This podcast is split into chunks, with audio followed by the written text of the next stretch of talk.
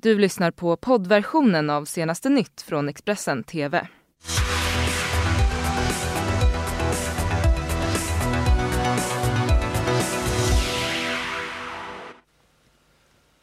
God morgon, det är tisdag. Du tittar på senaste nytt med mig Lisa Silver den eh, 29 oktober och det här är våra rubriker just nu.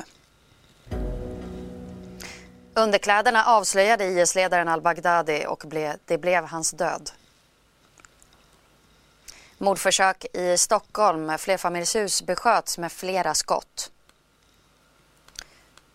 Och Djurgården har kopplat greppet om det allsvenska guldet. Ett eh, flerfamiljshus eh, besköts i Vårby i södra Stockholm under natten mot eh, tisdagen. Det var vid 23.46-tiden som polisen fick in larmet om att ett okänt antal skott avlossats mot en lägenhet. Där uppger Roger Clarius, jourhavande förundersökningsledare vid polisen i Flemingsberg. Folk på platsen ska ha uppfattat det här som fyrverkerier men polisen bekräftar att de har hittat ett antal tomhylsor på platsen.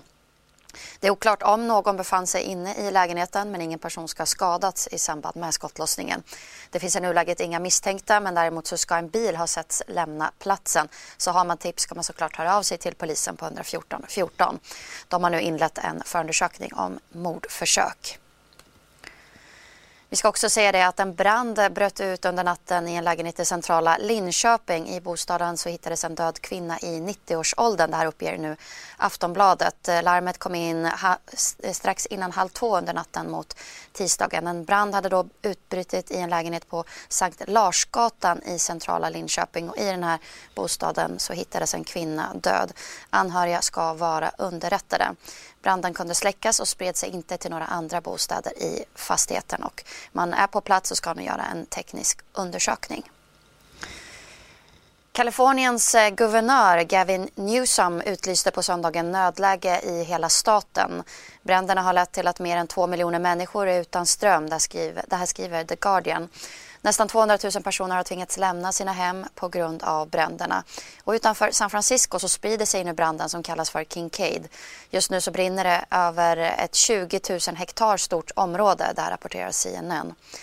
Under fyra dagar så har den här branden förstört 96 fastigheter, både bostäder och kommersiella fastigheter. Brandmännen hade vid ett tillfälle 10% av branden under kontroll.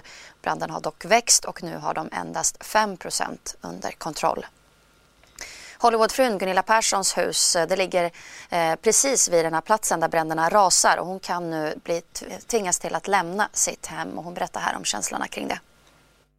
Jag vaknar alltså klockan 2.30 på morgonen, halv tre på morgonen eh, av en alert på telefonen som, som varnade för den här hemska branden som brinner. Och nu ser vi bara några minuter i eh, bilväg knappt uh, från att vara uh, mandatory evacuation notices, alltså att vi måste lämna. Så att är det så att vinden blåser bara lite åt vårt håll så måste vi också evakueras för vi är under en gul zon, vilket betyder att vi måste vara väldigt alerta och kolla hela tiden på nyheterna och telefonen. Och är det så att de säger evacuate så måste vi gå direkt. Och det här är problem eftersom jag har mamma som är sängliggande och måste bäras ut på bår. Är du rädd och orolig just nu? Ja, vi är jätterädda. Alltså, vi är oroliga och vi försöker att inte vara det. Men hur kan man inte vara det? För att hela uh, Palisades Village uh, med shoppingcenter och banken och allting är evakuerat. Så det är som en, säkert, jag har inte varit utanför huset, men det är som en ghost town här. Utan det är bara vi på gränsen här som... Ja, vi, vi har förberett oss genom att packa väskor, packa tillhörigheter som är värdefulla för oss. Alltså, mest för mig så är det mm, fotografier och brev och, och lite juveler och så, sådana saker som memorabilia framför allt, som man inte kan ersätta. Och det brinner ju i stora delar av Kalifornien och Los Angeles borgmästare Eric Garcetti konstaterar att bränderna är det nya normala. There's no question that we're seeing this uh, year after year that this is the, the new normal. Um, you know, extreme weather. We saw that in the early part of the year with a lot of rain, which uh, provided a lot of fuel. We knew that in January when we had all of that rain. And also what we've seen year after year, the hottest years on record, some of the most extreme uh, shifts in weather, uh, whether that's winds or the high temperatures in recent days. Uh, we have a couple things on our side in this fire, though. We're praying that with the, the hard work of our firefighters, we'll be out here at least a couple days for sure fighting this fire. We hope that it doesn't shift and take any further homes. And certainly, we want to make sure there's no loss of life. That is our top priority. Turerna blir allt fler i Brexit-härvan. Gårdagens omröstning blev ytterligare ett bakslag för Boris Johnson. Men nu har premiärministern ett nytt S i rockärmen för att få igenom sin vilja. Motgångarna fortsätter hopa sig för Storbritanniens premiärminister Boris Johnson. På måndagen försökte han få stöd i underhuset för ett nyval den 12 december men Johnson fick inte de två tredjedelar av rösterna som han behövde. Det meddelade talmannen John Bercow idag. The noes have it. Point of order, the Prime Minister. Point of order, Mr Speaker. The leader of the opposition, literally and figuratively, has run away from the judgment of the uh, people for the, for, the, for the third time, Mr Speaker. He's turned down our offer to get Brexit done. Men premiärministern ger sig inte i första taget. Nu ska han försöka kringgå regeln om två tredjedelars majoritet genom ett nytt förslag som läggs fram under tisdagen. Johnson menar att ett nyval är det enda sättet att bryta dödläget kring Brexit. Motståndarna i Labourpartiet uppger att de bara kan rösta för ett nyval när en avtalslös Brexit inte längre övervägs som ett alternativ. Men det hör också till historien att Labour och många parlamentsledamöter är livrädda för att gå till val nu eftersom de ligger dåligt till i mätningarna. De konservativa ligger på 35-36 procent, Labour ligger bara på runt 25 procent. Samtidigt har EU-länderna gått med på att fördröja Brexit till den 31 januari 2020. Tidsfristen är dock flexibel och Storbritannien kan lämna tidigare än så vid varje månadsskifte om det brittiska parlamentet hinner enas om ett avtal tidigare. Hotet om en hård Brexit nu i veckan är därmed undanröjt. Använda underkläder ledde USA till IS-ledaren vilket också blev hans död. Abu Bakr al-Baghdadi blev förrådd av en av sina närmsta män, hans säkerhetsrådgivare som stal IS-ledarens använda kalsonger för tre månader sedan vilket gjorde att kurdisk och amerikansk underrättelsetjänst kunde verifiera al-Baghdadis identitet genom DNA-analys. Det här bekräftar nu generalen Maslum Abdi som leder de kurdiska styrkorna i Syrien för NBC. Säkerhetsrådgivaren beskrev även i detalj detalj hur byggnaden där al-Baghdadi befann sig såg ut rum för rum inklusive uppgifter om vakter, våningar och tunnlar. Den här informationen tillsammans med förhör utav en utav, med en av al-Baghdadis tidigare fruar och en kurir bidrog till att USA kunde klargöra var IS-ledaren gömde sig och att de kunde slå till. Säkerhetsrådgivaren var på plats när USAs eh, styrkor slog till mot al-Baghdadi och eh, där nio människor dog, inklusive al-Baghdadi. Eh, och han lämnade också platsen tillsammans med eh, amerikanska specialstyrkor. Och platsen där man slog till mot IS-ledaren är numera helförstörd. President Donald Trump han säger att al-Baghdadi sprängde sig själv till döds efter att ha sprungit in i en tunnel i huset. En tunnel som man även kan se spår av på de här bilderna från en lokal kameraman som befann sig på platsen efter den amerikanska insatsen. It was the hardest of places to get into and hardest to guess he'd be hiding in. This is all that's left of where the world's most wanted man hid, possibly for weeks. Much of intelligence value whisked away, flattened to rubble by repeated airstrikes. Cleared up, it seems, by the Islamists who control the area. We obtained these images from a local cameraman able to function in a region where Al Qaeda are strong but where, elsewhere, civilians are bombed too often for life to be normal. Shells litter the area, perhaps from the eight helicopters that arrived here in the dead of night before US commandos blew holes through the compound walls. Ahmed was woken just before 11 pm local time and was shocked to see helicopters hovering about 150 metres up. 90 minutes later, a blast follows. Doors and windows of houses as far as one kilometre away were completely shattered, he said. We waited until sunrise before we came here and we saw the bodies of the martyrs, women and children, body parts, about six to seven dead. In the morning, we heard that Baghdadi was here, but people living here thought displaced people from Aleppo lived in the house, working in the cattle and grain trade. No one knows, he said, exactly what happened. Somewhere below this dust is the tunnel where President Donald Trump said Baghdadi blew himself up, killing his three children with him. But by dawn, there was so little left to pick over here. Baghdadi's sudden end as fleeting as his appearances in the world he cursed with radicalized violence.